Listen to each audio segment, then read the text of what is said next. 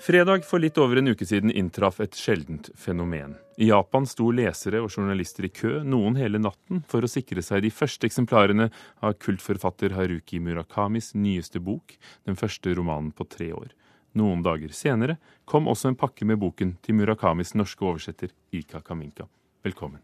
Takk skal du ha. Hvilken følelse var det å åpne denne pakken fra Japan? Det er alltid veldig spennende, men denne gangen tror jeg jeg var mer spent enn jeg pleier å være når jeg åpner en bok av han. Fordi at det har vært så utrolig mye hemmelighetskremmeri rundt den. Og fordi at hemmeligheten om at den fantes, ble holdt så, så lenge at jeg hadde bare fått tid til å glede meg et par uker. Hvorfor ville du at vi skulle spille 'Pilegrimsåret' fra Hans Lix? Eh, fordi at det er, eh, som alltid hos han, så er det et musikkstykke som er helt sentralt i boka, og som spiller viktige roller, og på en måte danner tone og rytme for det rommet som boka utspiller seg i. Og i dette tilfellet så er det pilegrimsår. Og det er et veldig sånn typisk eh, Eller det, det beskriver veldig godt den stemninga som er i boka. Og dette er en melankolsk nedtona Murakami som er mye mindre spretten og morsom enn han er pleid å være. Hva heter den, boken? Ah, ja, det er et godt spørsmål. Den heter den fargeløse Tsukuru Tazaki og hans pilegrimsår. Og hvordan åpner den? Den åpner slik. Daigaku 2年生の7月から翌年の1月かけて作る、えー、田崎作るはほとんど死ぬことだけを考えて生きていた。 Vil du si at dette er typisk for Murakami? Eh, nei, det er Altså, innledningen er typisk i den forstand at den skaper en stor uh, nysgjerrighet.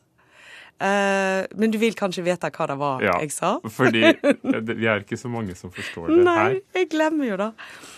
Eh, ifra eh, han, juli det andre året han gikk på universitetet, og til januar året etter, så gjorde ikke Tsukuru Tasaki stort annet enn å tenke på å dø. Uh, og det er jo da en typisk setning uh, for Murakami i den forstand at du blir veldig nysgjerrig på hva, hva er dette, hvem er denne personen. Han klarer å fortelle utrolig masse i den lille setningen der. Før vi går videre, kan du fortelle hva som har gjort at Murakami er blitt en så lest og elsket forfatter? Ja, hadde jeg kunnet gjort det, så kunne jeg sikkert blitt rik. Eh, det, jeg tror det er veldig vanskelig å forklare. På den ene siden så har du sånn at når et sånt fenomen på en måte tar av, så får det et momentum, en egen vekt. Og jeg tror en er der med Murakami nå. At nå er det nesten sånn at han kan skrive hva som helst. Han er blitt så berømt.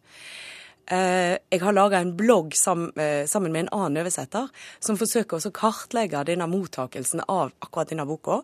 Og den er nå oppe i 2000 views ifra 33 forskjellige land, deriblant United Arab Emirates og Serbia og Kasakhstan og Malaysia. Altså sånn at her er det en interesse for denne boka som er helt uh, merkelig. Men hva handler den om? Hva skriver han om denne gangen?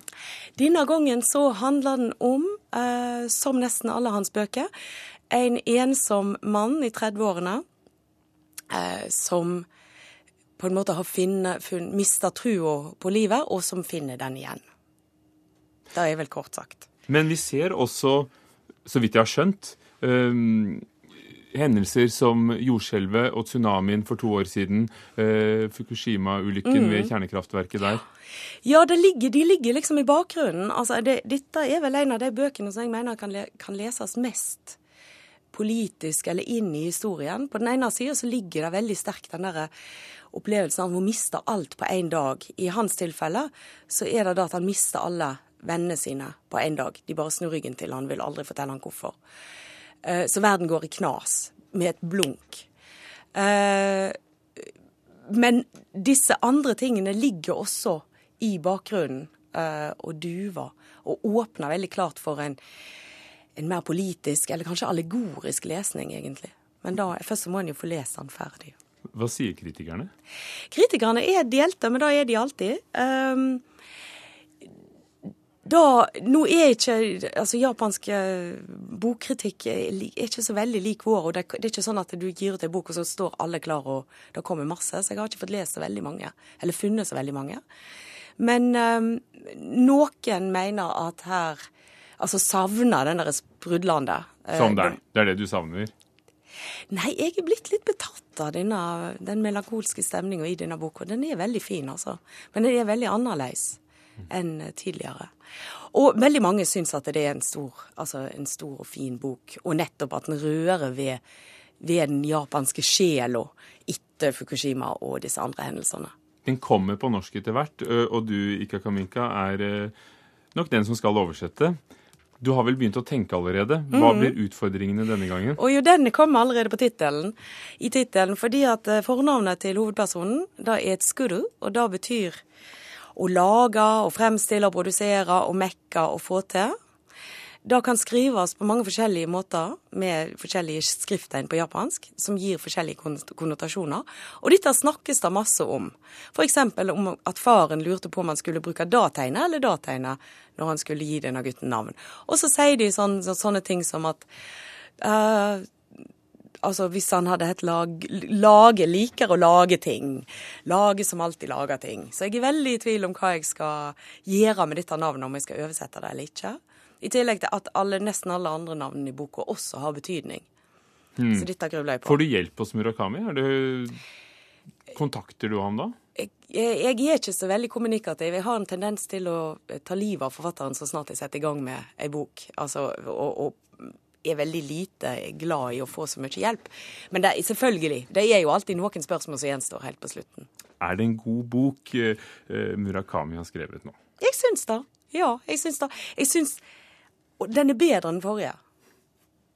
Takk skal du ha, Ika Kaminka, som altså har eh, lest den nyåpnede og ganske vakre utgaven som kom fra Japan. Kan ikke du si tittelen? På norsk. på norsk. Ja. Farge løse Tsukuru Tazaki og Hans pilegrimsår. Men foreløpig arbeidstittel. Ika Kaminka, takk for at du kom til Kulturnytt.